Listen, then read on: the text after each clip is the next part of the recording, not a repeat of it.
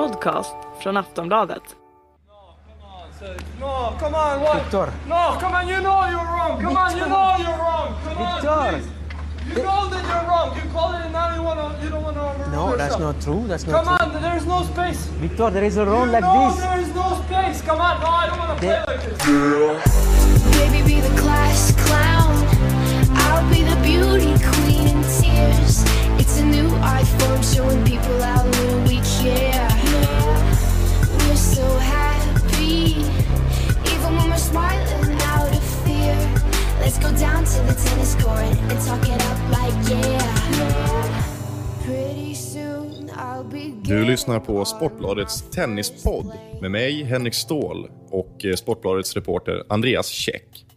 Med oss här idag har vi dessutom en specialgäst, bettinggurun Leopold Neurath, mer känd under sitt internet-nickname Poldan, Poldan Tennis. Eh, hjärtligt välkommen ska du vara, Leo.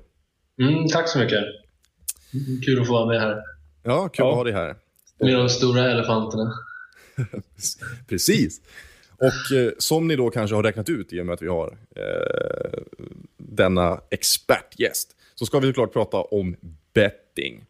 Eh, men eh, vi ska börja med att prata lite grann om, eh, om Wawrinkas triumf i Australiska öppna. Vad som har hänt med honom egentligen genom åren nu när han i övre 20-årsåldern plötsligt fått sitt, sitt monumentala genombrott. Eh, vi ska prata lite grann om vad hans seger i Australiska öppna också eh, betyder, eh, vad det ger för, för svallvågor i toppen på här sidan. Vi ska såklart också prata lite grann om, om Lina och hennes skrällseger i Australiska öppna. Eh, vi ska grotta ner oss lite grann i ett nytt inslag som vi kallar för Nördkollen. Och idag ska vi titta närmare på serv, såklart i förhållande till betting också. Och avslutningsvis så ska vi lista spelarna du aldrig ska betta på. Men låt oss då börja med eh, Australiska öppna och Melbourne. Där, eh, där eh, för första gången sedan urminnes tider i princip, 2009, eh, en spelare som inte heter Rafael Nadal, Novak Djokovic, Andy Murray eller Roger Federer vunnit en eh, Grand Slam. Och denna person är alltså Stanislas Wawrinka, numera världstrea. Ja, precis.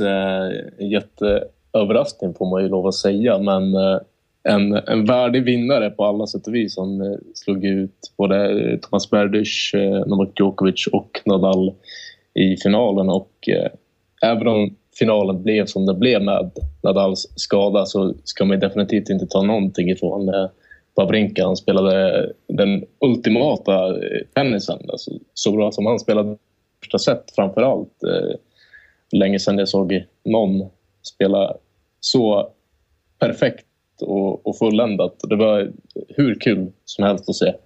Och uppfriskande också på alla sätt och vis att den här dominansen bryts. Sen om, om det är vad vi ska dra för, för kopplingar av det liksom på, på sikt är svårare att spekulera i. Men eh, nej, Wawrinka, det är ju all heder åt honom. Ja, Jag kan ta en liten... lite, lite tråkigt är det ju bara att eh, som, han, eh, som han vann finalen. Man såg ju själv när han, eh, när han slog in matchbollen att det, han var ju inte så glad som man kan tycka att han borde vara när han vinner eh, en Grand Slam. Var den första som, utanför topp fyra som vinner sedan 2009. Då, då förstår man att det känns som att det tar bort lite av... Alltså att han själv tycker att det tog bort lite av, av bragden.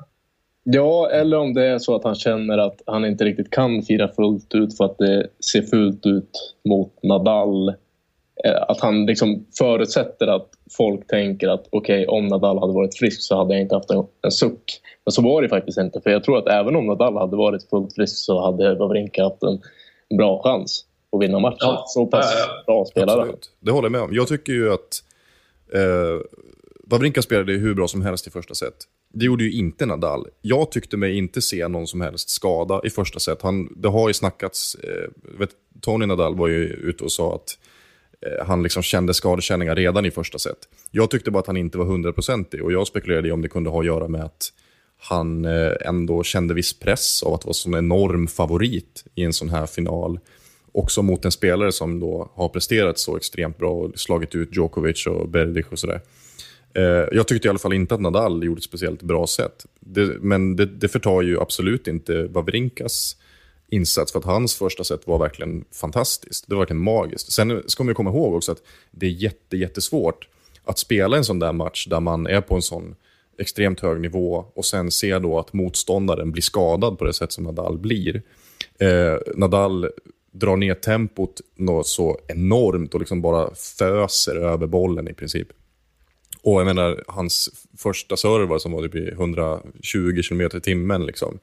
Det är klart att det där påverkar ju såklart eh, mentalt och det är svårt att hålla uppe den där nivån som Wawrinka hade i första set när man möter en sån spelare som plötsligt blir skadad. Liksom. Så jag tycker ändå att han gjorde det väldigt bra. Det var på något sätt det som också var mest imponerande. Att han, eh, trots att han slarvade bort tredje set fullständigt, att han bara kunde samla ihop sig igen sen när Nadal ändå ryckte upp sig i fjärde set och spelade hyfsat. Så kunde Wawrinka hitta tillbaka till, eh, till liksom den där eh, högre växeln. Mm. Ja, det är helt riktigt. Och det, jag tycker det är först, eh, var det väl förra året som man såg att eh, Wawrinka verkligen, alltså det, att det fanns en, en tillstymmelse till, till en Grand Slam-vinnare i honom när, när han pressade Djokovic där. Var det i Australiska öppna eh, åttondelsfinalen. Precis. Ja, ja, just det. Men, men redan åttondelen förra årets eh, Australiska öppna såg man ju verkligen tendenser till att nu var Wawrinka verkligen på gång. Ja, exakt. Ja, det, vi, vi lyfter fram eh, Norman när vi pratar om eh, Wawrinkas utveckling. Vi gör ju inte det bara för att vi är svenskar utan han har ju faktiskt haft en, en jätteimpact på eh, Wawrinkas utveckling. Både det, det mentala som han haft enorma problem med förut. Eh, men också det, det, taktiska tycker jag man märker att han, han spelar så mycket smartare också och väljer så mycket bättre. Och, ja, han har gjort mm. eh, underverk med Wawrinka på de här... Ja, det håller jag med om. Ja, jag håller också med. Jag, tycker, jag tror en av de absolut bästa förklaringarna, eller en av de bästa beskrivningarna menar jag, på Wawrinka eh, före Magnus Norman-tiden det var en expertkommentator på Tennis TV som sa att eh, Wawrinka, han kan göra vad som helst med bollen i princip. Han kan slå alla slag, men han vet inte vad de gör mot motståndaren. Nej. Det var det som var liksom hans taktiska brist, att han så körde på och sen när, när eh, ja, motståndaren skiftade, liksom, eller så här, anpassade, justerade sitt spel, ja, då kunde Wawrinka falla ihop. Och särskilt också med tanke på att han var ett mentalt asplöv för ja. bara typ två år sedan. Liksom. Men, men det här med att han eh, slår sig själv i, i huvudet. Eh, mm.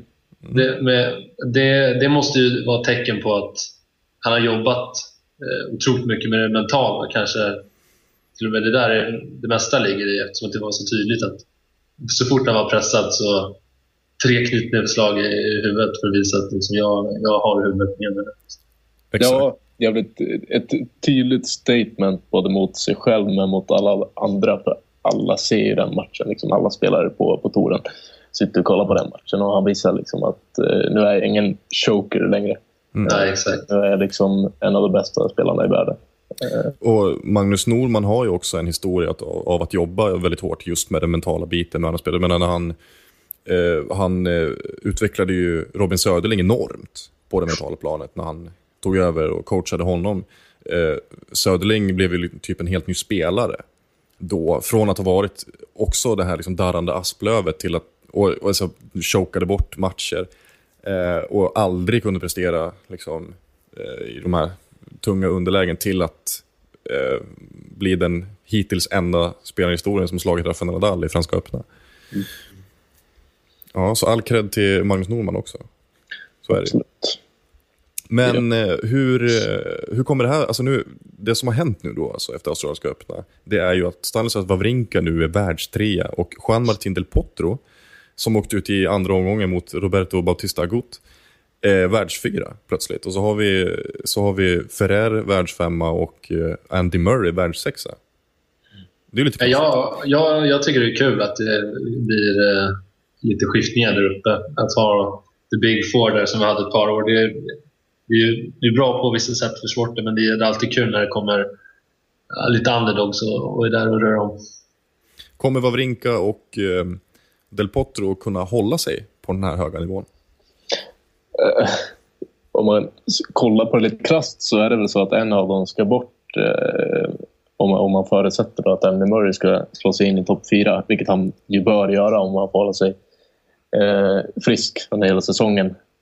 Eh, så jag vet inte riktigt. Jag, jag, jag sa redan inför säsongen att jag tror mycket på Del Potro i år. Så om jag skulle gissa på hur det kommer se ut på rankingen i sommar så skulle jag nog säga att eh, Andy Murray har slagit sig in där som På trea. bekostnad av...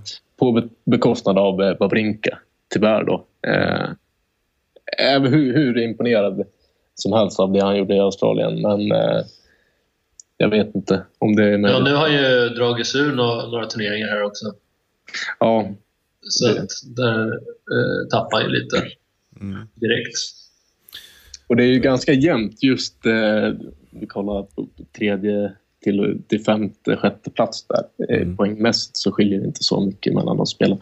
Så det, är- när vi kommer till Indian Wells och Miami så, så kan det hända ganska mycket. Samtidigt har ju ändå Del Potro har ju en final att eh, försvara i Indian Wells. Andy Murray har en final att försvara i Miami. Det är grussäsong. Det är ju ändå...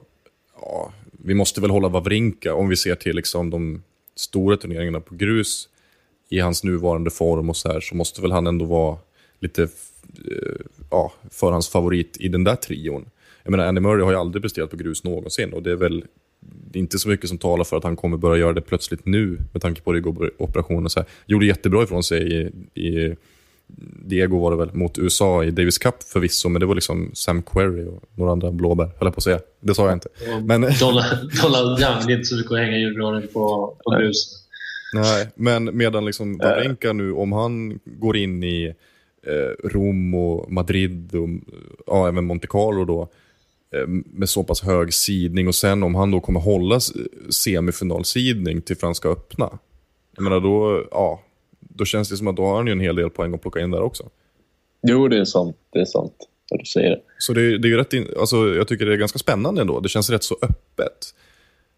Jag har ju varit lite, jag har ju varit ganska besviken på Del Potro. Jag tycker att så, han får ju skärpa till sig nu. Liksom. Han vann den där US Open i 20, eh, han vann US Open 2009 och sen efter det så har, det, liksom, har han bara varit den här, det här löftet som liksom aldrig riktigt eh, ja, uppfyllt sin potential på något sätt hela vägen. Det tog ju lång tid för honom att komma tillbaka från skadan och sådär. Men nu är det 2014 liksom. Nu måste han ju verkligen step it up och börja utmana. Och framförallt, han kan inte åka ut i andra omgången i Grand Slam. Han kan liksom inte låta typ eh, ja, men låta så stor del av, av hans poängskörd på rankningen vara 500 turneringar, där han alltid presterar. Han vinner ju typ alltid 500 turneringar som han ställer upp i. Men så faller han i andra omgången mot Leighton Hewitt i US Open. Mm.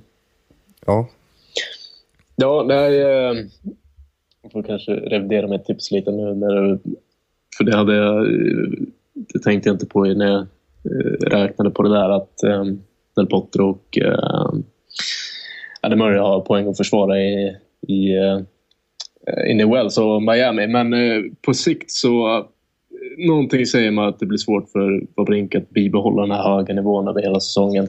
Eh, Sen om, om man kollar på rankingen som, som den är nu så det som jag gläder mig mest åt och nu får jag väl be om ursäkt på förhand till alla Ferrer-fans men eh, det är ganska skönt att Ferrer ramlat ur topp fyra. För han är ju en spelare som han, han kan inte slå Nadal, Djokovic, eh, Andy Murray. Han slår ju inte de stora spelarna i Grand Slam-sammanhang. Om vi kollar på topp fyra som den ser ut just nu så är det ju så att alla de kan slå varandra. Det är en bra dag. Det krävs... Eh, en liten intressant grej om, eh, om Ferrer. Han har ju bara vunnit eh, en match utav de 15 senaste tror jag i Grand Slam-sammanhang som underdog. Alltså när han inte varit favorit så ja, vinner han i stort sett inte i, i Grand Slam-sammanhang. Mm. Ja, och sen är det ju också, kollar man på Masters så jo, han tog sig ju till några finaler förra året men eh, ja, föll, ju, ju mot Andy Murray i Miami och så Föll han mot eh, Djokovic i Paris, där han ändå gjorde en jättebra match. Liksom. Förlorade i raka set.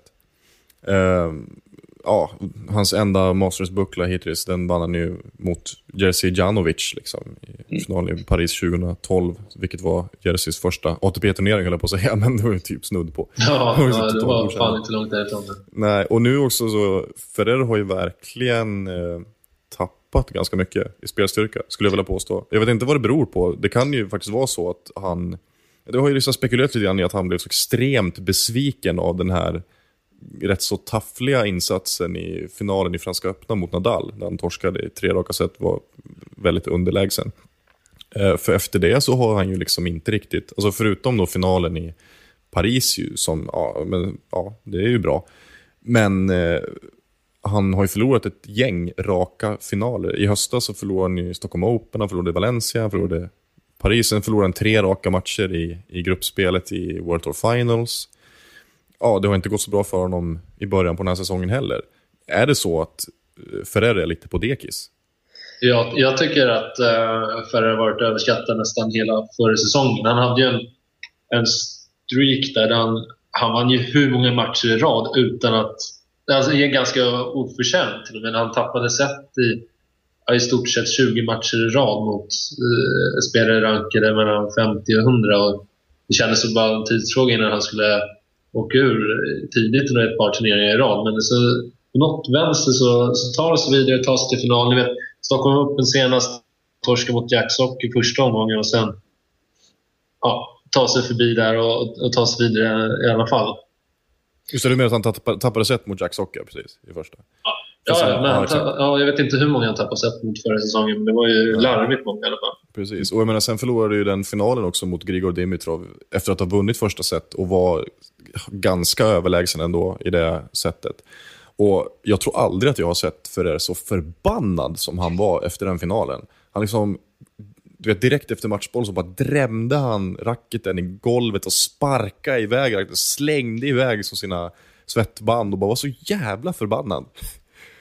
Eh, så alltså jag vet inte, det kan ju ha kan, kan det kanske ha att göra med så att han har ju verkligen maxat sin kapacitet och varit ganska nöjd med att vara bakom, alltså stå i skuggan av de här stora. Men nu när han har gått till, han har vunnit, liksom när han vann sin första Masters 2012 och sen gick till final i Franska öppna, han kanske känner liksom, jag vet inte, har han kanske börjat känna någon slags mindervärdeskomplex eller så?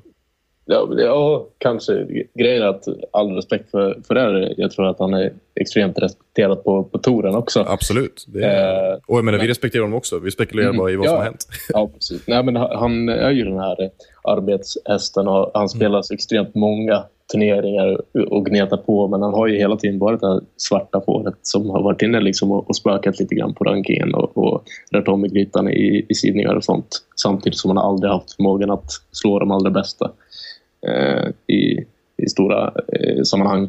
Och vi snackade lite grann om det i samband med just eh, Stockholm Open. Att han hade blivit så mycket mer offensiv i sitt spel.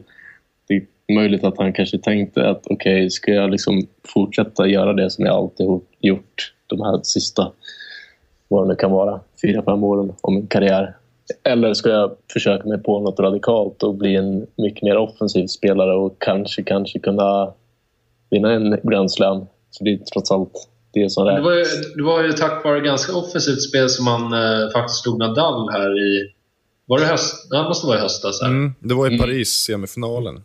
Ja. Precis. Men, det, men det säger sig självt också om man lägger om sitt spel. In, inte helt och hållet, men, men ganska mycket att man lägger om sitt spel. Att, att eh, det kommer dippa, det kommer bli mycket vajigt och ojämnt eh, överlag. Mm. Jag vet inte om, om det är det vi ser någon effekt på nu. Kanske. Alltså, så kan det absolut vara. Eh, om vi skulle ta och prata lite grann om, eh, om Lina också, såklart. För det, på, på damsidan så blev det i princip exakt samma utgång av Australiska öppna.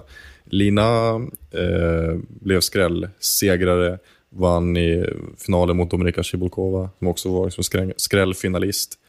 Eh, och Lina, menar, hon är ju en jättebra spelare, hon är högt rankad och sådär, så att det var ju ingen megaskräll att hon var i final. Men en skräll var det ju, alltså alla hade ju förväntat sig Serena Williams och typ någonting. Men ehm, eh, efter hennes seger då, så har hon också blivit världstrea. Maria Sharapova har trillat ur topp fyra för första gången sedan 2011, om jag inte minns helt fel. Ehm, och också rört om ganska mycket i, i grytan. Uh, Serena Williams skadad igen i Australiska öppna. Vad händer på VTA-sidan i toppen? Eh, jag, kan, eh, jag tycker först och främst att Sharapova tycker inte jag är särskilt bra helt enkelt. Hon har ju eh, underpresterat under en ganska, ganska lång tid och har ju förtvivlat svårt mot de andra bästa. Och eh, sen så måste jag säga att det, det, det, det gläder mig lite när, när Serena åker ut tidigt i, i Grand Slam-turneringar eller hon åker ut överhuvudtaget. Just för att man, eh, man vill se någon, någon upcomer eller någon, någon, någon som inte brukar vinna. David mot Goliat när hon är med och, och vevar i Grand Slam-sammanhang. Mm. Ja, det blir lite mer spännande, lite mer öppet. Ja, nej, men det- jag håller med eh, Poldan eh, om eh, eh, Sharapova. Jag har varit inne på det ganska länge, att jag tycker att hon är i mental obalans. Har varit det ganska länge. Hållit på att hatta hit och dit med, med tränare och det är mycket vid sidan av tennisen med olika godismärken och eh, en pojkvän som stjäl lite fokus från tennisen och sånt. Eh, men det är, väl, det är egentligen det stora att hon har ramlat ur topp fyra. För Radwanska hon har ju varit, och, varit uppe på andra platsen och nu är hon fyra. Eh, Lina har varit uppe topp fyra förut. Och, och det, jag tror inte det kommer påverka så mycket i, i lottningar och sånt. Det är ju alltid så på, på WTA-touren att Serena Williams är ju stor favorit, alltid. Och eh, det, allt på WTA-touren är ju upp till Serena Williams. Om hon är hel och frisk och på humör då, då vinner hon alla turneringar hon ställer upp i. Är hon skadad eller det är något annat då först så kan vi få de här skrällarna. För att Ja, citera men- Roger Federer, it's on her racket. Ja, Typ. precis. Ja, men det är lite märkligt som när Serena åkte ut eh, i Wimbledon. Då såg hon väl, som jag kommer ihåg det, väldigt bra ut fram tills chocken. Mm. När Lisicki var det som pangade ut henne. Precis. Och det Som var visserligen, så- hon, över, hon över, um, spelade på sin högsta kapacitet och överpresterade ju i stort sett i Lisicki. Men Mm. Ja, ja hon, hon kan ju spela extremt bra på, på gräs och Serena Williams har ju fortfarande de tendenserna till och från att hon, hon viker ner sig. Ja, men särskilt också när hon, när hon stöter på liksom ordentligt motstånd. Det känns i, i, ibland lite grann som att hon faktiskt också underskattar sin motståndare. Det har vi sett också mot till exempel Victoria Azarenka, som ju höjer sitt spel och då blir Serena lite tagen på sängen för då hon slumrat till lite grann och så tappar hon det. Det var ju samma i Wimbledon-finalen 2012 mot Agnieszka Radwanska som hon ju ska köra över på gräs. Eh, tappade ändå set liksom, och det gick till tre set och det var lite rysare. Eh, så att, ja, men, Serena är ju, en- hon, hon är ju också en choker. Ja, och har ju varit det ganska länge. Sen, sen tror jag att det är svårt att, att vara så överlägsen. För att eh, om, alltså nio matcher av tio så går allt på räls och du behöver inte anstränga dig så mycket för att vinna matcherna stabilt. Och sen helt plötsligt den där en gången av, av tio så kanske du inte har en riktigt lika bra dag samtidigt som din motståndare har en jättebra dag och eh, får jättemycket inspiration. Och då, då är det liksom svårt. Hur hanterar man det mentalt? Jag kan tänka mig att hon blir liksom förbannad och tänker att Hallå, vad är det som händer? Du ska inte kunna störa mig. Liksom. Precis. Nu, nu glider vi in på vårt stora eh, huvudämne för den här så podden. dags. Nu är det så dags. Betting, betting, denna djungel, detta träsk, detta ibland rena rama helvete. Som det kan vara. För oss eh, glada amatörer vad gäller betting. Jag, kan, jag ska ju villigt erkänna att jag kan vara en av de sämsta bettarna. Nej, okej, så, riktigt så illa är det inte. Men som jag sa här innan vi började spela in, jag brukar ju typ inte spela på odds eh, liksom under två gånger pengarna. För det tycker jag är för lågt. Så det är ju liksom, det är på den ribban jag lägger mig. Och så, som ni då förstår så blir det ju en del, ja, magplask. Ja. Ja, du får väl berätta hemligheten, Tobban. Vad ska jag göra för att bli en vinnare? Ja. Du har ju en enorm streak just nu. Är den fortfarande ongoing? Eller? Du hade typ så här 15 av 17 eller något sånt där när jag kollade sist. Ja, exakt. Jag hade 15 och 16, så missade en nu. Så det, jag får påbörja en, en ny streak här i dagarna. Gött. Men eh, vi, vi måste reda ut lite grann kring ämnet betting. Lite terminologi. Eh, du, vi kan börja med, eh, med att fråga Pollan. Vad brukar du lägga för typ av spel när du bettar? Ja, det finns väl, eh, man kan säga att det finns fyra olika. Då. Eh, matchvinnare rakt av, alltså vem som vinner matchen. Ingen nummer Handikapp, om det är någon handikappspel. Eh, om någon spelare är stor favorit så eh, ger spelbolagen eh, för att väga upp oddsen. Så att den, den som är underdog får eh, helt enkelt ett, ett försprång på ett visst antal games så att det ska i slutändan bli, bli jämnare. Men då räknar man alltså bara games så att då spelar ingen roll vem som vinner matchen. Eh, och sen överspel också såklart. Eh, över och under hur många games det blir i matchen. Eh, och ja, som då är beroende på hur jämnt man tror att det blir. Tror man att det blir. Och sen eh, kanske handikapp också på eh, om, någon, om man tror att en spelare tar ett set. Typ. Just det. Så plus ett och ett halvt set om det är en tresetare. Okej. Vad... Du, du låter lite... Hänger du med nu, Henrik? Jag, hänger, jag hänger med. Då. eh, ja, nej men fan. Jag är lite... Jag har ju inte grottat ner mig i, i de här termerna så jättemycket. För att jag, jag spelar bara på, på segrare. Och eh, Och favoriterna. också. En av tio ska jag helt svara. Eh, Det, det mest avancerade spelet jag har lagt till dags dato det är typ att jag har lagt en trippel. Och det tyckte jag var så här, oj, ja, men det här var spännande. Och det, den satt faktiskt. Det var en trippel i Stockholm Open. Och det var, då la jag några sådana här eh, liksom, lågoddsare som tillsammans blev ganska schysst. Jag tror att tillsammans var de kanske 2,20 eller något sånt där. Men eh, så här HPC och sånt, det... Nej. nej. det, det har Ah, du, ska få, du ska få ditt, ditt första tips. Eh, lägg aldrig en trippel i tennis. Det är, det är big no-no. St- Stora röda streck för den. Är det så? Ja, Så det, det, var, det, blev, det blev min första och sista gång alltså. ja, det var- ja, det skulle jag säga. Skönt att det blev en seger då i alla fall. Ja, exakt. Men i, i tennis spelar man bara eh, singlar och eh, ibland så kan man dribbla till eh, någon dubbel. Jag kanske gör en gång på tio eller något. Var tionde spel kanske en dubbel. Varför spelar man inte, inte tripplar? Nej, men det, man, man jagar så jäkla små marginaler hela tiden i, i tennisbetting. Egentligen all betting överhuvudtaget så tycker jag inte att man ska lägga mer än dubblar. Eh, ja, eftersom att eh, om, man, om man tycker att man har en fördel mot, mot det givna oddset så är den fördelen inte särskilt stor och sen så ska du ha det igång eh, i tre olika matcher då ja, minskar ju vinst, vinstchanserna eh, ganska drastiskt. Eh, vad brukar vara mest lönsamt? Att lägga spel... Eh, jag vet att du till exempel, du brukar ju sitta och hålla koll på precis när oddsen släpps. Och att oddsen då kan ligga ganska högt på vissa spelare som du har rekat. Och, så att säga. och sen när de har legat ute ett tag så sjunker de. Eh, och det kan man ju göra sin hacka på. Men då undrar jag, är det mest lönsamt att eh, jobba på det viset eller att fokusera på live-betting? Eller är Mm. live-betting mer eh, riskabelt? Ja, jag har inte så jättemycket för, för live-betting. Det är- För problemet med det är ju att när oddsen släpps, då kan det vara lite eh, vilda västern. Då kan du ligga eh, hur, hur fel som helst i stort sett. Men ju mer alla spelare eh, placerar sina spel på, på de här matcherna då, så, så justeras ju oddsen så att de inför matchstart så är de helt enkelt korrekta. Där, vid matchstart så då vill ingen mer spela i stort sett. För att då är då är, de, då är de där de ska vara helt enkelt. Och live-oddsen baseras ju på oddsen som satta precis innan match. Så att när du spelar live så kommer de många gånger vara korrekta och det är ganska svårt att vinna. Ja, förlåt. Nej, men det, ja, men jag tänkte på det också.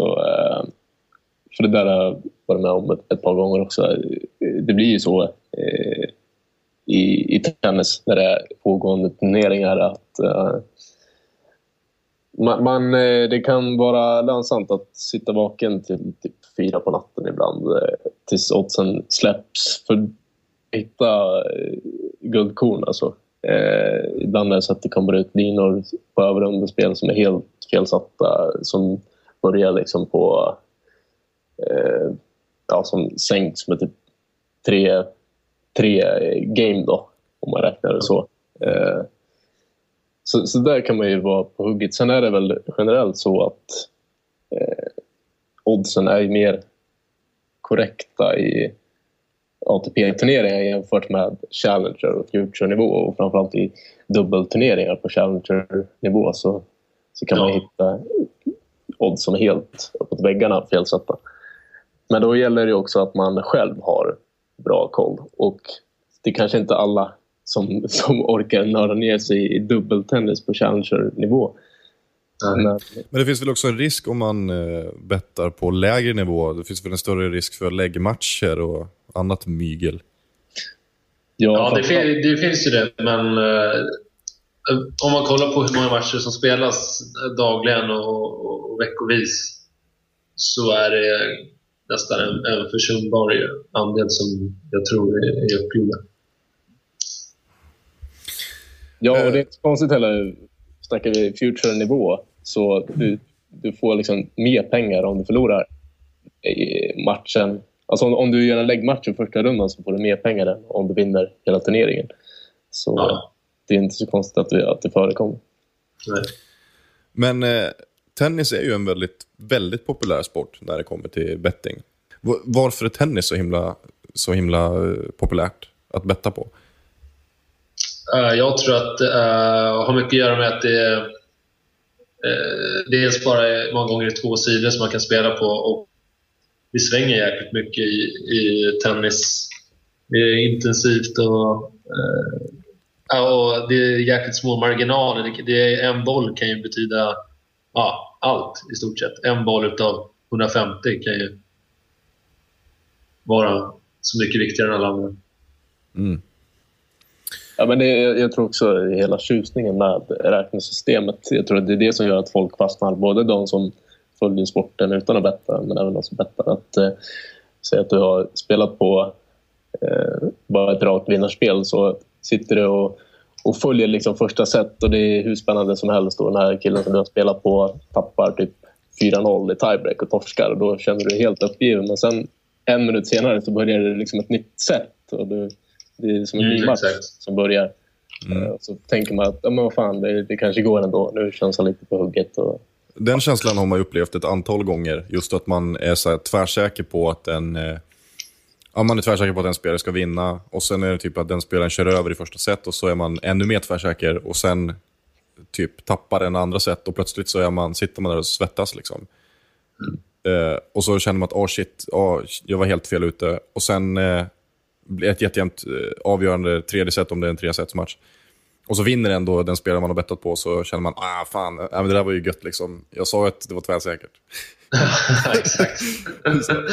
Eh, jo, men visst, Helt ovanligt. det är klart det finns en, en tjusning i det. Ehm, det är ju en stor del av tjusningen med tennis sen också. Just att det är väldigt, väldigt små marginaler. Det är ju, alltså, det är klart att en, en, en fotbollsmatch där man vänder 4-0 till seger, det är klart att det blir ju en större knall. Men, eh, alltså, jag menar 4-0 i ett set i tennis, det är ju inte, det är inte tvärsäker setseger alla gånger. Nej, och det är just om, om man snackar betting så är det ju det är ett, ett hett tips till de som eh, kanske är nya inom det området att alltid säkra upp sina vinster eller åtminstone insatsen. Att om du sitter där och har liksom ett bra spel på, som är på väg att trilla in och säger att du kan vinna 800 spänn eh, så, så kan du i och med att livemarknaderna finns öppna så kan du säkra upp då. Så du behöver kanske lägga in 50 kronor och så är det så att oavsett vem som vinner den här matchen så har du ändå gjort det en hacka. Och det är folk det är väl vanligt att man blir lite girig och tänker att man inte vill säkra. Att man vill vinna mycket mer på en gång. Men det är ju faktiskt... Det vanliga är ju att om en spelare leder stort så är ju det vanliga att eh, den andra spelaren kommer tillbaka på ett eller annat sätt. För då spelar han liksom... Han släpper allt och har inget att förlora. Ja, de tankar liksom det sättet som de ligger under i. Ja. Och samlar krafter till nästa. Precis, och sen också att, eh, som vi var inne på just med till exempel Wawrinka mot Nadal, det där kan ju också hända även när det inte är en spelare som är skadad. Du var också inne på det, Andreas, just så här med Serena Williams, att om man är så här väldigt överlägsen i första set, då kanske man slappnar av i andra set och då plötsligt höjer sig den spelaren flera snäpp och så blir dynamiken helt annorlunda. Eh, Så det kan ju verkligen, verkligen hända extremt mycket i tennis på ett helt annat sätt än vad det gör mellan två halvlekar i fotboll eller eh, två perioder i ishockey till exempel. Ja, precis. För det är ju liksom det mentala spelet i sporten. att eh, Om du förlorar första setet med 6-0 så börjar det... Det, det är så man tänker som spelare. att Okej, nu börjar en ny match i andra set. Och Då kan det vara att du får med dig ett tidigt break och du får lite go samtidigt som din motståndare börjar tänka att oj, vad händer nu? Ja. Eh, Så det svänger väldigt mycket. Verkligen. Tennis är ju en helt annan sport jämfört med eh, lagidrotter som folk bettar på. Ja, det är, det är rätt svårt att jämföra faktiskt, det håller jag med om. Eh, fotboll och hockey är en helt annan sak egentligen. Men du, eh, jag vet inte, brukar du eh, betta på fotboll, Andreas? Jag vet att Poldan, du brukar ju betta på typ Premier League. Du brukar snacka om att du slaskbettar ibland. Ja, ja det händer. Eh, Men, det är inget jag eh, är stolt över. okej. Men ty, tycker, du att det, tycker du att det är lättare eller svårare att betta tennis? Det, frågar du mig nu? Ja, båda. Ja, nej, det är mycket svårare att betta på, på internationell fotboll framförallt. För där sitter oddsen rätt alla gånger. Och det är det jag brukar säga det att jag vinner pengar på tennis och sen så spelar jag bort dem på eh, internationell fotboll. Då är jag är liksom ingen, ingen duvunge så när det gäller internationell fotboll. Det är liksom mitt jobb att bevaka den och eh, jag har ju bra koll. Men det är svårt för de som jobbar på spelbolagen har deras enda arbetsuppgift är att sätta rätt odds. Och då säger det sig självt att man är i underläge från början. Medan i tennisen så kan man, kan man ha eh, en fördel mot oddssättarna. Jag Ja. upplever att jag har haft det ganska många gånger, framförallt på WTA-touren på lite lägre nivåer, Ja, lägre turneringar. Ja, och man ska ju veta rätt. Det är inga, eh, det är inga hjärnforskare som sitter där heller och, och, Ja. sätter oddsen. Utan det är ju till åtminstone 90% ren statistik. Och sen så får ju oddsättaren själv göra sina sista 10% bedömningar då, vad han tycker. Men det, är- det är lite det som är grejen också. För om du tar en Champions League-final då är det ju hur mycket pengar som helst i omlopp. Och det vore ju liksom ödesdigert om, om de hade eh, satt fel odds då i en sån match. Och om du har liksom en, en dassig match i en eh, dålig turnering på WTA-touren så är det ju inte alls så mycket pengar inblandade där. Eh, och då säger det sig själv att de kan inte lägga lika mycket kraft på att liksom, ringa runt till typ, tränare och ledare och fråga så här, "Åh, har det varit några skador eller något sånt. Jag vet inte. Hur mycket de anstränger sig för att oddsen ska bli rätt. Eh, Du har ju jobbat inom betting också, Leo. Ja, det är helt riktigt. Vad, vad har, du, har du varit oddsättare någon gång? Eller vad är det du har gjort inom, inom bettingbranschen? Ja, just för många år sedan så, eh, så satt jag på kundtjänst. Nu jobbar jag fortfarande inom, inom bettingbranschen. Men då, då eh, skriver jag de här eh, reklamannonserna på, på er hemsida på Aftonbladet ungefär. Det är lite Ja. sådana arbetsuppgifter. Det finns ingen jäv då när du bettar? Nej, nej, nej, inte alls. Eller jag kan inte, jag kan inte betta hos min egen arbetsgivare, det är bara det. Ja, ja det är klart. Yes. Du var inne lite grann på statistik, Leo. Mm. Eh, att eh, liksom, oddsättarna de tittar väldigt mycket på statistik. Därför tänkte jag att vi, ska, att vi ska glida över i nästa ämne. Som ju är vårt nya inslag Nördkollen. Där vi ska grotta ner oss lite mer i lite mer eh, speltekniska delar av tennisen. Eh, och där tänkte vi ju idag kolla på serv. För serv är väl en, en ja, inte bara ganska, utan en väldigt viktig faktor. Eh, inte minst i spelet som sådant, utan även när det gäller betting. Ja, eh, jag skulle säga särskilt på, på till exempel gräs och- hardcourt så har det ju större inverkan än på grus till exempel. Eh, men bara som att ta ett, ta ett exempel. När eh, Daniel Brandt spelade, var det andra omgången i, i eh, Wimbledon mot eh, Daniel Gim- Gimeno Traver. Just det. Då spelar man ju femsetare eh, utan att, att, att Brand, eh, Daniel Brands eh, blev breakad. Mm. Eh, men, men det är ju ändå svindåligt utav eh, tysken då att behöva spela fem set mot, mot gemene traver. Mm. Eh, Så, men, ja. men som sagt, men, men han, han höll sin serve i jag vet inte hur, hur många servegame i rad som helst. Och nästa match då möter han Berdych. Mm. Och då kan man ändå eh, tänka sig, om man tänker på ett spelmässigt plan, då, att då serven tycks ändå fungera och det är inte lätt att bryta dem på, på gräs. Och även om det är Werder som spelar på andra sidan så kan nog eh, Daniel Brands eh, hålla sina servegame ga, ganska bra till slut. Så att där kan man ju tänka sig eh, att lägga ett spel som gynnar Daniel Brands, till exempel handikapp eller överspel eller något sånt. Mm. Och där är det ganska tacksamt kan jag tänka mig att spela såna typer, lägga typer, såna typer av spel när det är servkanoner inblandade eftersom det väldigt ofta går till tiebreak till exempel. Ja, ja exakt. Det, det är ett föredra. Om vi, om vi eh, tittar lite grann på serven som slag så brukar det lyftas fram som det enskilt svåraste slaget man kan lära sig i någon sport överhuvudtaget. Eh, I princip, man, man brukar säga det så här, om man ser till vanliga så här, stora sporter så är det det svåraste man kan lära sig som atlet, det är att slå en riktigt bra tennisserv. Eh, vilket såklart har att göra med att det är extremt många olika faktorer som spelar in. Det är ju allt ifrån din eh, position, alltså din, så att säga, din, din eh, inledande pose till att du ska ha ett väldigt bra uppkast. Inte bara ett bra uppkast, du måste också ha ett bra avslut i armen rent rörelsemässigt, rent mekaniskt. Du måste ha ett bra avslut i, i eh, uppkaströrelsen. Där ser vi till exempel, har som ett exempel på mm, eh, Rafael Nadal som anses ha ett, ett ganska dåligt uppkast. Inte för att det är så speciellt... Alltså hans uppkast är ju ganska liknande, liknande hela tiden. Eh, det finns ju andra spel som till exempel eh, där, som inte har så, så stor stabilitet i sitt uppkast. Till exempel Del Potro brukar lyftas fram som spelare som, har, som kan ha problem med sitt uppkast. Även till exempel Tomas Berdych för att han har ett väldigt högt uppkast, vilket ju ställer till problem när, när, det, blå, alltså när det är utomhusturneringar och det blåser till exempel. Men Nadal, Eh, han brukar liksom avsluta sitt uppkast med att föra handen bakom huvudet. Liksom. Att han böjer sig för mycket på något sätt. Vilket såklart eh, sen påverkar resten av serven. Det här jobbade han väldigt mycket med inför US Open 2010. Han började jobba på det redan 2009, men inför US Open 2010 så jobbar han väldigt mycket på sin, på sin serve, sitt uppkast och framförallt sin serverörelse, sin avslutande serverörelse. Liksom när han helt enkelt svingar och slår bollen. Eh, eh det jag ska, poängen jag ska komma till med det här, att serven är så extremt svår, dels att i, det, ett, liksom, ett tecken på det är ju att all, i princip alla spelare har ju sin, sin egen servrörelse, sin egen servpose.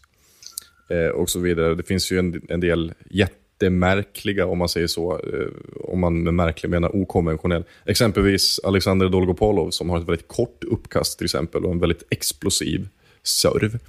Vet ni vem som eh, brukar lyftas fram som, som eh, textbook-exempel? Liksom, på, eh, som den, den, eh, den typen av serv som man lär ut i störst utsträckning. Eh, tennisskolor och så vidare. Är ju nutid då, eller? Idag. Ja, exakt. Det var svår. eh, Jag tänker spontant på typ Monfils. Jag tycker det ser väldigt eh, smidigt ut. Eh, Men jag kan vara helt ute och cykla. Ja, jag tror det var Federer, men det är nog inte att cykla långa vägar.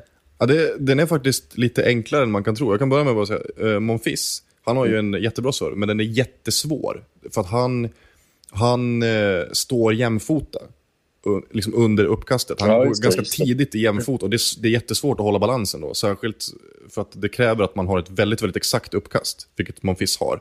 Eh, får ett felaktigt, alltså, ja, snubbl, alltså du vet, om uppkastet blir fel och du står jämfota, då blir det väldigt svårt att justera Ja. Eh, Roger Federer, där brukar man ju lyfta fram att han har en, en väldigt, väldigt bra serv. Och det har han ju också. Mycket för att den är extremt svårläst. I allt ifrån liksom hans, hans eh, uppkast till serverrörelsen i sig. Det, man brukar lyfta fram som en av de mest svårlästa. Jätte, jätteintressant också om man, om man eh, så här hårdanalyserar Federers första och andra serv. För att eh, de är så extremt lika. Det finns ingen annan spelare på touren som har så lik eh, andra serv. Just mekaniskt sett i hur han rör sig. Det är liksom en, eh, om man så här filmar bakifrån och kollar liksom hur hela, hela servrörelsen är, så skiftar det i princip bara liksom, ja, i princip sista rörelsen upp eh, från, ska man säga, den andra liksom axeln, motsatta eh, axeln, vänsteraxeln upp, så är det en lite, lite vidare båge när han slår en andra serv, en första serv. Men, för att svara på frågan om textbook serve, det är faktiskt John Isner han har den, den servrörelse, den pose och servrörelse och uppkast som, som man i liksom högst utsträckning eh, lär ut i tennisskolan. Man brukar säga att han har liksom det, den perfekta. Så- Förutsätter då att man är över två meter. ja, Ja, exakt, men det är ju det. det är ju, Någon hade blivit lika, lika populärt om Isner varit 1,60. Ja, ja, ja, men just, det är ju just det problemet. Alltså, hans serve, den är ju så extremt bra just för att han är så lång. Men eh, även om man inte är över två meter lång så är det en väldigt, väldigt fördelaktig eh, som serverörelse som han har. Eh, vilket är ganska intressant ändå. Den är ju inte så speciellt snygg. Den, alltså, John Isners server, alltså man, ja, det är inte så spännande att se honom slå en serve. Mer än att det är, går jävligt fort och det är väldigt hårt. Hur, apropå det, hur lång är Milos Raonic? 1,98 tror jag. Han är så lång ändå. Ja, 1,96 eller 1,98.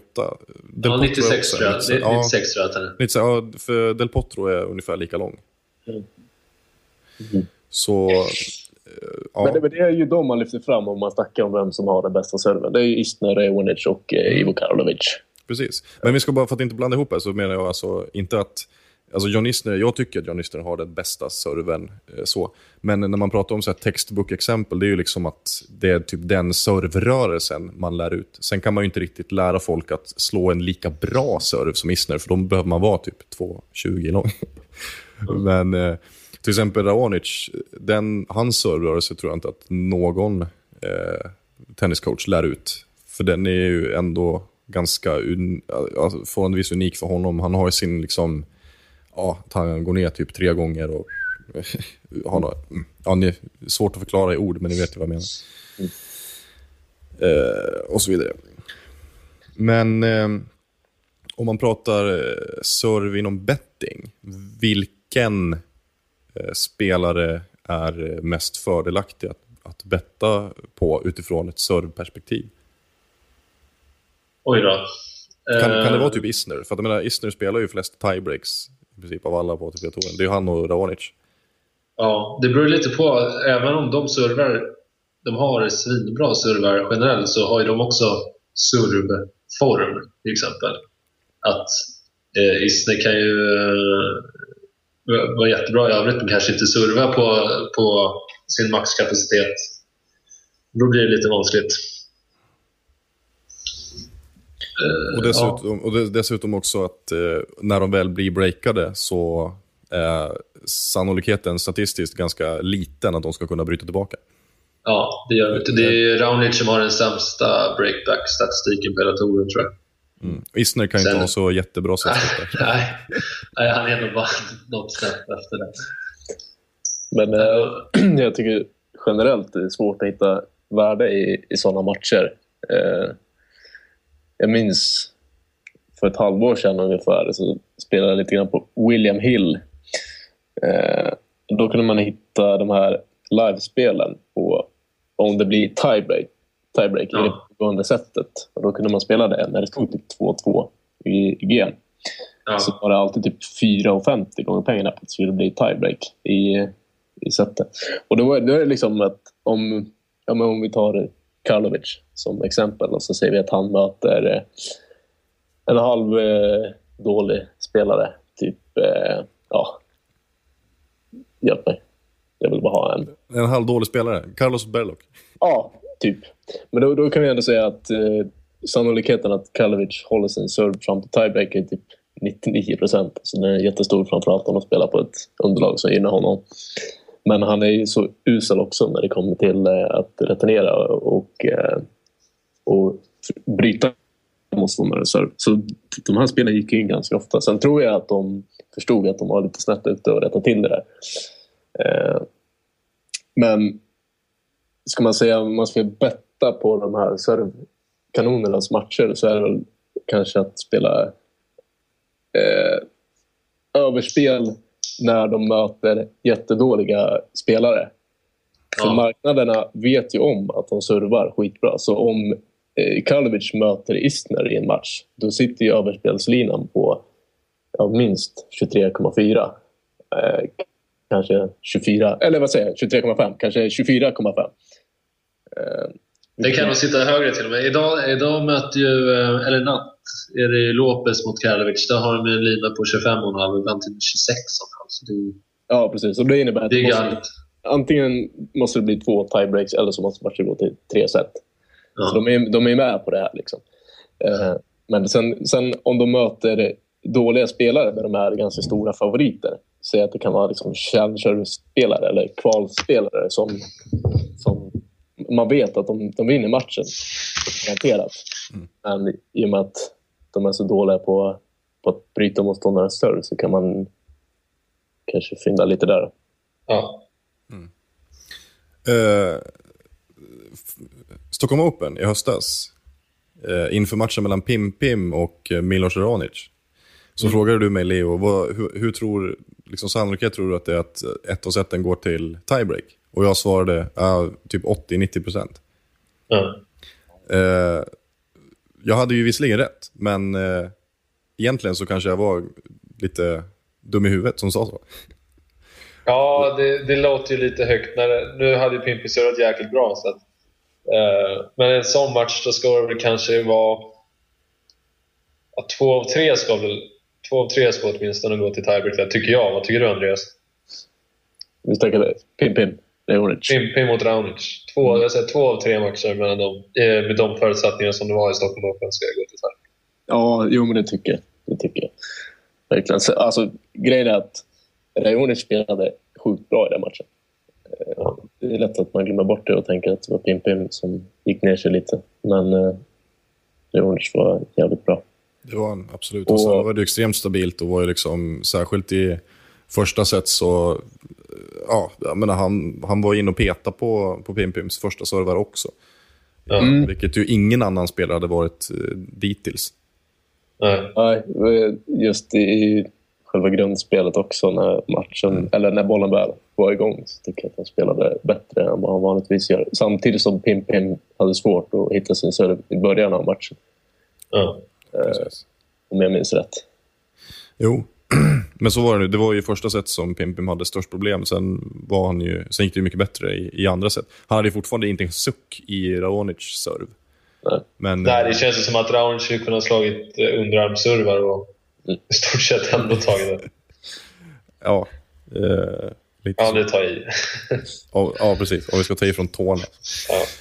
Eh, underarmsrörare som Gulbis ju faktiskt slog en i, just i Stockholm Open mot Jerzy Janovic och vann den poängen.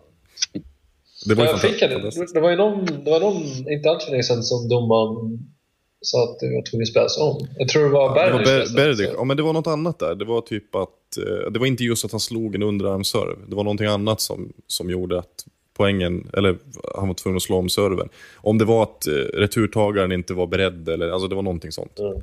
Men eh, i Stockholm Open så var det ju att Jerzy stod ju jätte, jättelångt. Alltså han stod ju typ ja, uppe på läktaren. Och Ja. då så bara petade han in en, en, liksom, en underarmsserve som Jerzy visserligen hann ifatt, men så var han ju helt chanslös efter det. Ja. Väldigt kyligt. Väldigt kul. Ja, nej, men eh, jag tänkte bara flika in Mm. eh, en sak här nu när vi ändå är inne på, på serve och vad det betyder för en match. Eh, för jag, jag sa det tidigare att man lyfter fram Karlovic, Isner, Raonic. Sannolikt Grott också kanske vissa, vissa lyfter fram. Eh, Absolut. Som har ju rekordet i hårdast serve. Ja, 260 km i timmen, någonting sånt. 260 plus.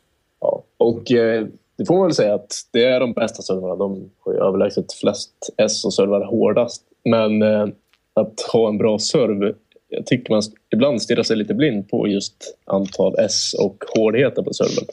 Och Det handlar ju i grund och botten om att vinna poängen. Och det finns ju de som inte alls servar lika, lika hårt men som får jävligt bra utdelning på sin serve. Till exempel Nadal. Ja, precis. Eh, och man ser rätt ofta att på Twitter att folk skriver att ja, men han har- ligger bara på 55% första servar. Det är alldeles för lågt. Men det där är också individuellt. För det, vissa spelare behöver inte ligga på 65-70% första servar in utan de kan ha en mycket högre felmarginal på grund av att de har mycket eh, hårdare servar och, och chansa mer på sin första serv. Alltså, det finns så många olika faktorer som spelar in i det där. Eh, men det kanske blir jättelångt om vi ska börja. Ja, men om man tar bara ett, ett jättekort liksom, matematiskt exempel så är det ju att ja, visst, du kanske bara slår in 55 första servar, men om du vinner 90% av dem och samtidigt vinner du 40-50% i andra serv, vilket inte är ovanligt, ja, då har du ju plötsligt ett väldigt stort överläge och vinner ju sannolikt. Eh, Liksom du, ja, du har ju marginalerna och du har siffrorna på din sida i alla dina servegame. Så är det ju.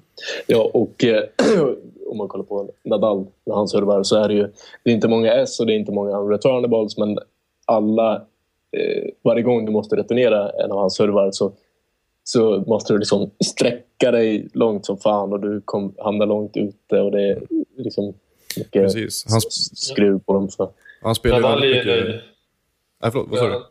Nej, Nadal är nöjd om man bara får en, eh, en retur som är... Ja, den behöver knappt vara kort, men bara så att han får ett litet övertag så är, då är han glad. Exakt. exakt. Och ofta till exempel eh, när han eh, slår serve i adcourt så slår han ju typ i 90%, även i första serve slår han ju slice-serve. För att han vill få ut en, få en snarare hellre få en vid, lite, kanske lite lösare serve. Eh, som spelare måste liksom springa ut och sträcka sig efter i sidled för att sen bara kunna avsluta med en typ inside out forehand cross court. Eh, han spelar ju ofta så, Nadal, att han försöker få det där läget att han bara behöver typ ett, till, ett eller två till eh, tillslag utöver serven för att vinna poängen. Eh, vilket ju funkar väldigt bra mot till exempel Federer, som han ju nästan alltid eh, attackerar Federers backhand. Eh, och sådär. Men eh, vi går raskt vidare. Och så ska vi sy ihop den här podden med att lista spelarna du aldrig ska betta på. Med kort, eh, eh, kort motivering. Ja. Det är Eh, Leo, vill du börja? rubrik. Vill du börja? Mm. Ja, ska, jag- ska jag ta några här då? Ja, gör det. Eh, vi kan ju börja med... Jag har, jag har fem här som jag har skrivit ner. Eh, den första det är Farah Dustov. Så, så heter han va? Du känner till honom? Kan- Nej, Nej, vänta, faktiskt säg inte. namnet igen. Ah, okej. Okay. Uh, Faruk Dustov. Han är rankad... Uh, Ja, ah, Farouk. Okej, ja. Förlåt, jag trodde du sa, jag trodde du sa Farah. Ja, det är möjligt att jag sa det. Jag vet inte. Eh, Men han rankar 225. Det är eh, en av de smutsigare spelarna på Challenger-touren. Eh, Ja, där, där är det läggmatcher var och varannan vecka. Och så har vi Gabashvili. Taimoras Gabashvili, precis. Exakt.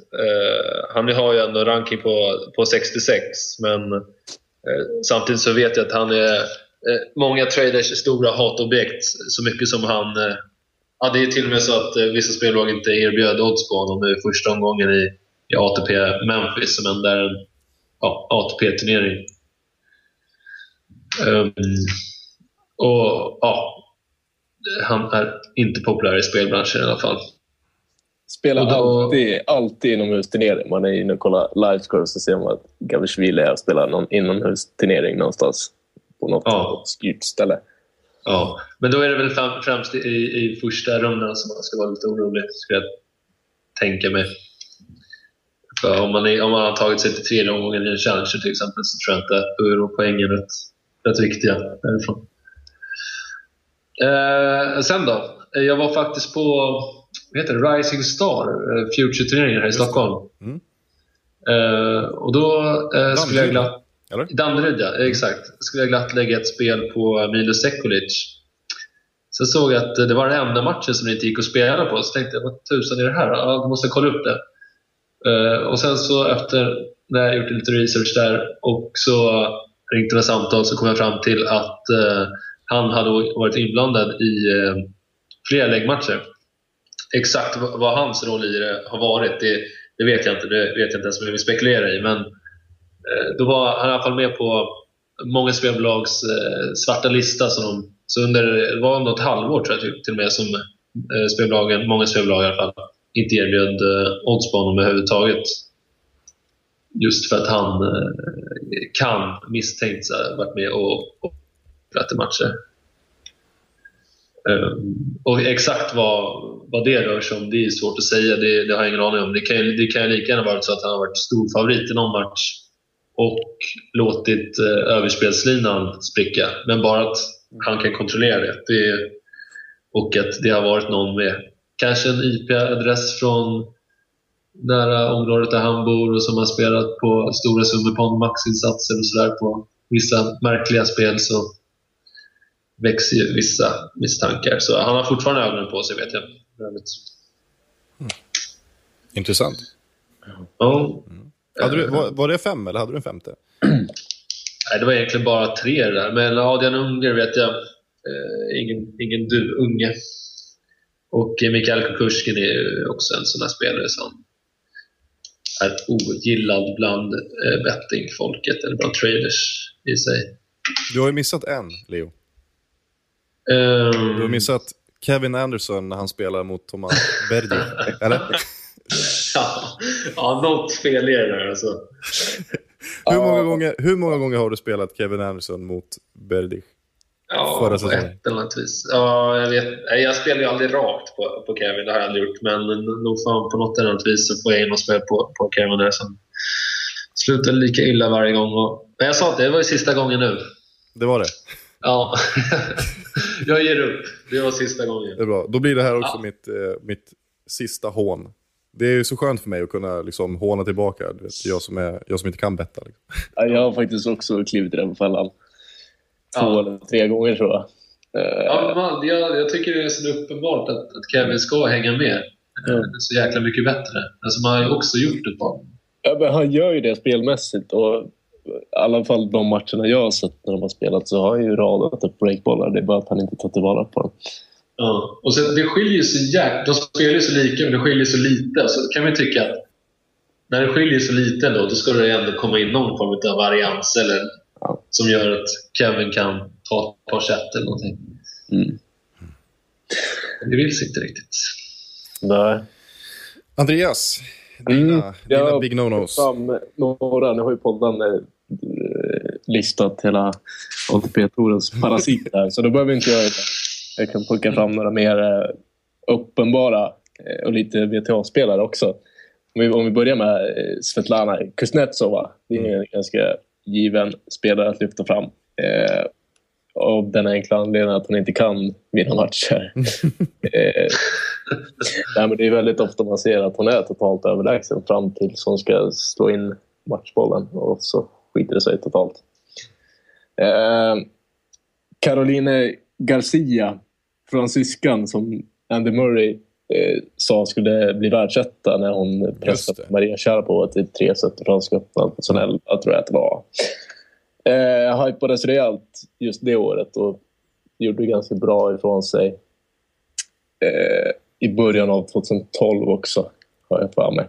Men eh, jo, jag, nu pratar jag utifrån egen erfarenhet här. Jag vet att jag bettade på henne när hon mötte Alexandra Panova i Indian Wells 2012.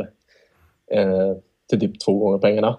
Hon var underdog i den matchen och eh, hade en av elva breakpoints converted. Panova hade tre av tre. Eh, och sen dess så har jag Caroline Garcia. Så kan det gå. Ja. Hade du något mer? Ja, men eh, jag lyft, måste lyfta fram eh, Junior Dolgopolov ändå. Och det är ju problematiskt, för det är ju min personliga favorit. Jag älskar ju att se honom spela tennis. Men det gör ju också att jag har trampat i klaveret och bettat med hjärtat en eller två gånger. Och eh, problemet med honom är att han ofta han är ju stor favorit mot sämre spelare och eh, kan floppa i de matcherna. Men det är just när han möter spelare som är på ungefär samma nivå. Jag, tyck, alltså, jag, jag tycker att han, han möter alltid Jeremy Chardy, tycker jag. Nu gjorde han det igen här, bara för att jag... Ja, men då, då är det typ 1,80. 1,80. Alltså det är jämna odds. Men de matcherna torskar han alltid. Och jag har ju alltid bettat på honom då. Så, ja. Och han är ju väldigt oberäknelig. Verkligen. Ja, jag kan ju skriva under på Dol- Dolgopolov också. Jag hade tänkt ta med han med, men då slipper jag. Eh, Men Han är, han är ganska tacksam att, att trada, du vet, när man sitter och, och köper och säljer odds på eh, Ja. vissa sajter. Spelbörser till exempel. Mm. För det, det är så otroligt svängiga matcher när han är med. Det är, kan ju vara, det, är, det är inte sällan man säger att han vinner första 6-1 och torskar andra 0-6 och sen blir det någon 6-1 Ja, i, tredje också. lite tjusningar också med honom på något sätt. Ja. Ja. Eh, ja, men jag kan, jag kan fram två till också. Eh, Gilles Müller, Luxemburg. Han har han har en väldigt bra serv, har han.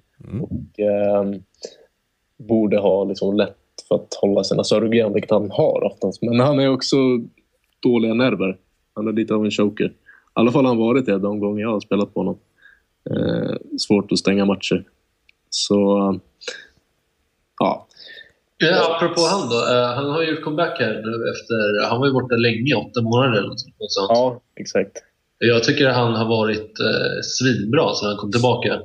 Jag vet. Jag, jag har också alltid tänkt att det finns potential. Alltså att eh, man har fått bra odds på honom för att han är ju han är inte rankad så högt, har aldrig varit, men han har ändå ett bra spel. Ja. Det är gammal junior-etta, va? Har jag för mig. Ja, det det? Möjligt. Jo, det kanske stämmer. Ja, eh, han är ju ute och vevar i en fransk challenger här, så där, där kan det nog finnas lite Ja, men då, eh, ja, nej, men, eh, så, så lyfter jag fram Lina också bara för att få ja, höja lite varningsflagg. För det är svår, hon är svårbettad. Hon är stor favorit mot alla spelare förutom liksom, de topp fyra. Eh, men problemet med Lina är att hon kan se ut som en rund biljon i eh, en timme och sen så, så kan hon bara tappa allt helt plötsligt från ingenstans och vara liksom i en downperiod i flera GM i rad. Och då blir det pro- problematiskt när man spelar mot sämre spelare. För har man spelat på henne så måste man ju spela med handikapp då. Och det ser så bra ut. Ja, hade, inte, hade inte Lina någon här jättechoke i US Open, om det var två år sedan? Ja. Jo. Något så här gigantiskt. Eh, som hon satt och, och grät på presskonferensen efteråt. Jag, jag Ja. kommer ihåg det så väl, för jag hade nog själv bandet mig lastat in lite på henne. Då. och så bara, du vet, om en spelare gråter efter och förstår mig vilken choke det är. Och så satt man själv där också redan och sen var det... Ja. Nej, det låter bekant. Men jag minns Det kan, det kan ju vara vilken match som helst de senaste sju åren med henne. Nej men typ. Ja, men det var ju en, det var en jätteviktig match, om det var semifinal eller något sånt där. Ja. Eller kanske till och med final. Nu kommer jag inte ihåg riktigt. Ja. Hon, cho- det- hon chokade men- rätt rejält i, i förra årets eh, final i Australiska öppna. Mm. Det gjorde hon ju. Ja, och då, då sitter man där och tänker att allt är klart. Hon leder med 6-1, 4-2, egen serv. Och sen Ja. tappar hon allt. Nej, chokers, chokers ska man uh, försöka hålla sig... Ja, hålla Ja. sig. Ja, bra. Fina tips för mig här. Nu eh, hade jag också tänkt lyfta fram Lina faktiskt. Just av, ja, med exakt samma motivering som Andreas hade. Men då kan jag ju börja med, med min, min stora no-no och det är ju Petra Kvitova. Mm. Eh, Det är omöjligt, det går liksom inte att spela på henne. För att eh, hon kan ju verkligen, hon kan förlora mot precis vem som helst. Och hon kan också vinna mot, över vem, i princip vem som helst. Om hon har en jättebra dag, då kan ju hon ju vara eh, snudd på överlägsen mot nästan vilken spelare som helst. Eh, om hon har en dålig dag så kan hon åka ut i första rundan mot liksom en 700-rankad spelare. typ på den nivån. Så det, ja, men det går ju liksom inte. Jag brukar också försöka undvika att spela på Jelena Jankovic. Nu gjorde jag visserligen det i Brisbane och det höll ända fram till, det höll ända fram till eh, Azarenka. Sen eh, chokade hon i den matchen, i semifinalen. Sen efter det, nu så är jag tillbaka på noll på henne. Nu har, vi, nu har vi alla lyft fram exempel på spelare vi inte ska spela på. Som ändå, så lägger vi alltid till lite snyggt efteråt att jag råkade, jag råkade ändå spela på henne. Ja, ja, men det blir ju typ så. Alltså, och det är väl det är också lite därför som vi listar dem. För att vi av Ja, exakt. Vi vet sådär. erfarenhet Ja. av de där jävlarna. Och På förekommande anledning. Ja, lite Ja. så. Och där har jag ju börjat utveckla ett sånt förhållande även till Angelique Kerber. Som, är, mm, en av, som har varit en av mina favoritspelare på, på VTA-touren. När hon slog igenom så här stort under 2000, 2012, till viss del även 2011, men framförallt 2012. Sen efter det så har hon ju... Det kändes som att hon var väldigt stabil under 2012. Det var det att hon, hon förlorade inte så många av de här matcherna som hon verkligen skulle vinna. Och sen så kunde hon också vinna eh, vissa av de här matcherna då hon var underdog. Eh, men under 2013 så var det bara så här jättesvajigt. Hon kunde, kunde spela jättebra i en turnering. Jag tänkte, ah, okej, men bra, nu har hon hittat sin stabilitet igen. Och sen så torskade hon i första rundan i nästa. Eh, så henne har jag också börjat vakta mig, eller liksom passa mig ganska mycket för. På VTA-touren så har jag aldrig någonsin lagt en enda krona på Fabio Fognini. Och jag tror inte att jag kommer göra det heller. Även om jag var lite sugen så här, i, i Vina del Mar. För han spelar så, så bra. Liksom. Och jag kände att så här, ja, men det var bra odds på honom på, eh, mot Almagro i semifinalen till exempel. Men eh, jag bara, nej, han kan ju lika gärna förlora mot vem som helst. Eh, och det är ju också sällan som han slår spelare som, eh, som han liksom inte ska vinna. Så han slår ju inte Djokovic, han slår inte någon annan av där. Ehm, Dolgopolov har vi ju redan pratat om. Bernard Tomic går ju inte heller att spela på. Där känner jag big no-no. Och sen har jag min, eh, min eh, dark horse och det är Juan Martín del Potro. Eh, för där har jag gjort några magplask en gång. Eh, några gånger när jag har spelat på honom. Eh, för att man alltid liksom känner att han ska vara så jävla bra. Och, liksom, och sen så typ förlorar han mot Leighton Hewitt i andra omgången i US Open. Eh, så Del Potro, kan, jag kan inte spela på honom i alla fall. Jag ja, skulle väl inte rekommendera någon att göra det heller, för att han, han är så oförutsägbar, i, i alla fall om man sitter Grand Slam. Ja, Henke, jag håller inte riktigt med där med eh, Tomic i alla fall. Som tycker i Australien är han ju ständigt stekhet. Så, och där, i, inom eh, de gränserna är det ju ganska säkert kort att hänga med de bästa och slå dem lite sämre. Eh, och sen Bär, eller Del Potro... Ja, han är, han är svår, svårspelad, men jag Så tycker det är han... typ 500 turneringar man kan spela på. Ja, ja exakt. Och sen när, när han möter lite sämre spelare i, i Grand Slams då, då brukar han ta dem. Typ Federer slår han ju alltid i, i Grand Slams. Och, Nej, det beror ju på. Torskade ju Wimbledon 2012, gjorde ju riktigt dålig match där. Till exempel. ja, ja, ja, just det. Men eh, då var ändå, i den matchen var ju eh, Federer favorit ändå. Mm. Eller var det senast han vann? Nej, måste vara favorit där. Då, ja, precis. De har inte mötts så jättemycket de senaste två säsongerna. Eftersom, ja, dels för att Del Potro inte har gått så jättelångt faktiskt i väldigt många Grand Slam-turneringar. Eh, och också ja, för att de har hamnat på olika delar av lottningen och sådär. Tomic får du tänka på också att om, om jag spelar på Tomic, då jinxar jag honom så då förlorar han ju. Oavsett om det är Australien eller inte. Så, Ja. Jag spelar alltid på, på Tomic i Grand Slam. Gör du det? Ja. Nej, gör du det? Om jag gör det? Ja. Om jag alltid, alltid spelar på Tomic i Grand Slam? Ja. Nej. Nej. jag spelar aldrig på Tomic. Nästan överhuvudtaget. Men Men, för men att, eh, på gräs är ju ett ganska säkert kort också tycker jag. Ja, men jag tror att det är lite därför som jag har börjat hålla mig undan från honom. För att efter, eh, efter Wimbledon 2011 där, när jag gick till kvarten och så, när man verkligen börjat, ah, nu, är, nu är han på gång liksom. Så eh, la man väl en del spel där, eh, ja, som i, inte gick hem, typ.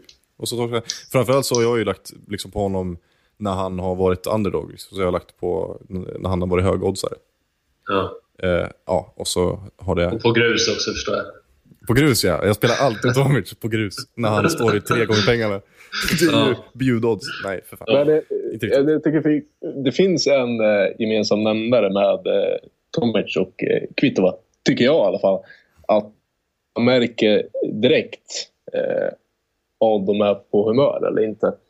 Alltså jag kan hålla med dig om att det, det är inte bra att spela på dem för att eh, de kan torska mot spelare som är mycket sämre än de själva. Men eh, när, man, när matchen väl har börjat så märker man ganska direkt om, om de är bra Ja. eller dåliga. Ja, det såg vi ju det, det såg vi väl all- allihop, alla tre i, i Stockholm Open. Var det inte den matchen? Ja, ja gud ja. Och det var ju Ja, plågsamt att se.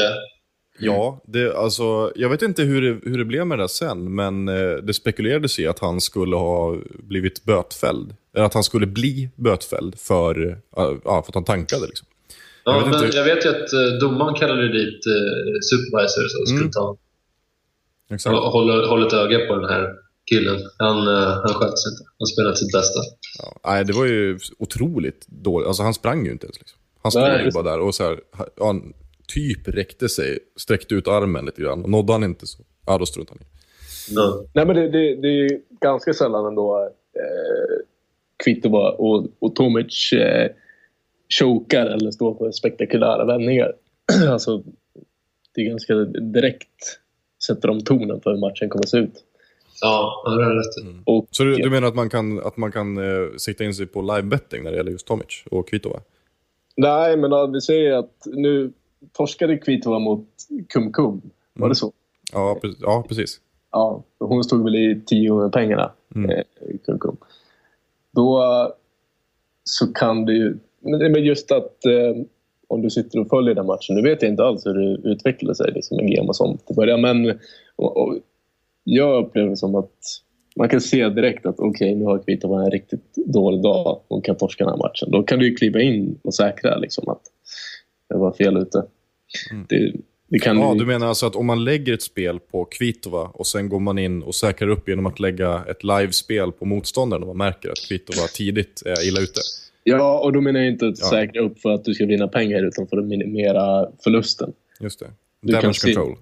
Ja, ja lite så. Ja. Jag, jag gör ju ofta en sån. Jag tar ju bara fallet. Liksom. Jag faller tungt. Ja. Nej, men det är jämförelsevis då med Lina, att, att hon kan choka matchen när hon är i stor ledning. Jag, jag vet inte. Jo men absolut, men jag tycker du har en poäng där och jag tycker absolut att du har en poäng med, med Tomic. Liksom, när han väl har börjat tanka, alltså han brukar snacka själv om att han använder, han har ju sagt det ganska nyligen att han använder just tankning som ett taktiskt vapen. Mm. Om man vill förlora så är det ett jättebra taktiskt vapen för honom, för att han vinner ju aldrig när han börjar tanka. Och när han väl har börjat tanka så lyckas han ju aldrig vända det. Och det var också så, här, så talande just i Stockholm Open där han Ja, men han ansträngde sig väl typ lite i början av setet fram till 4-4. Och sen tappade han setet och sen så liksom bara gav han bort resten av matchen. För Ja. ja. han, han pallar inte. Och det är ju jättevanligt. Så märker man att Tomic går ut och är underlägsen så är det ju större risk att han, att han tankar bort det än att han eh, liksom höjer sig och vänder matchen. Ja, särskilt på hösten. Han liksom inte ens vill vara där. Säkert. Han vill väl ligga på, på playan av Australien så tvingas han dit av någon jävla agent som drar åt sig några hundratusen för att han ska dit. Så. Intressant. Eh, och därmed får vi nog sätta punkt för den här gången. Du har lyssnat på Sportbladets tennispodd med mig, Henrik Ståhl, Sportbladets reporter Andreas Käck och vår expert, gäst, eh, bettinggurun eh, Leopold Neurath, även känd som Poldan. Tack så Yeah. jättemycket för att du vill, ville gästa oss eh, denna afton. Ja, Eh, ansvarig utgivare är Jan Helin. Vi hörs snart igen. Hej då!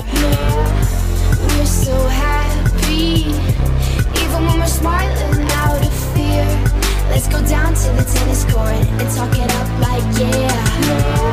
There's no space. Victor, there is a round like this. There's no space. Come on. No, I don't want to There, sit there. there is well, there is a round. There's zero space. I There is a round like this. It's clear. It's not a, it's not a, a fast ball like this. Of my city, like they do in You don't want to protect yourself. I don't agree with that.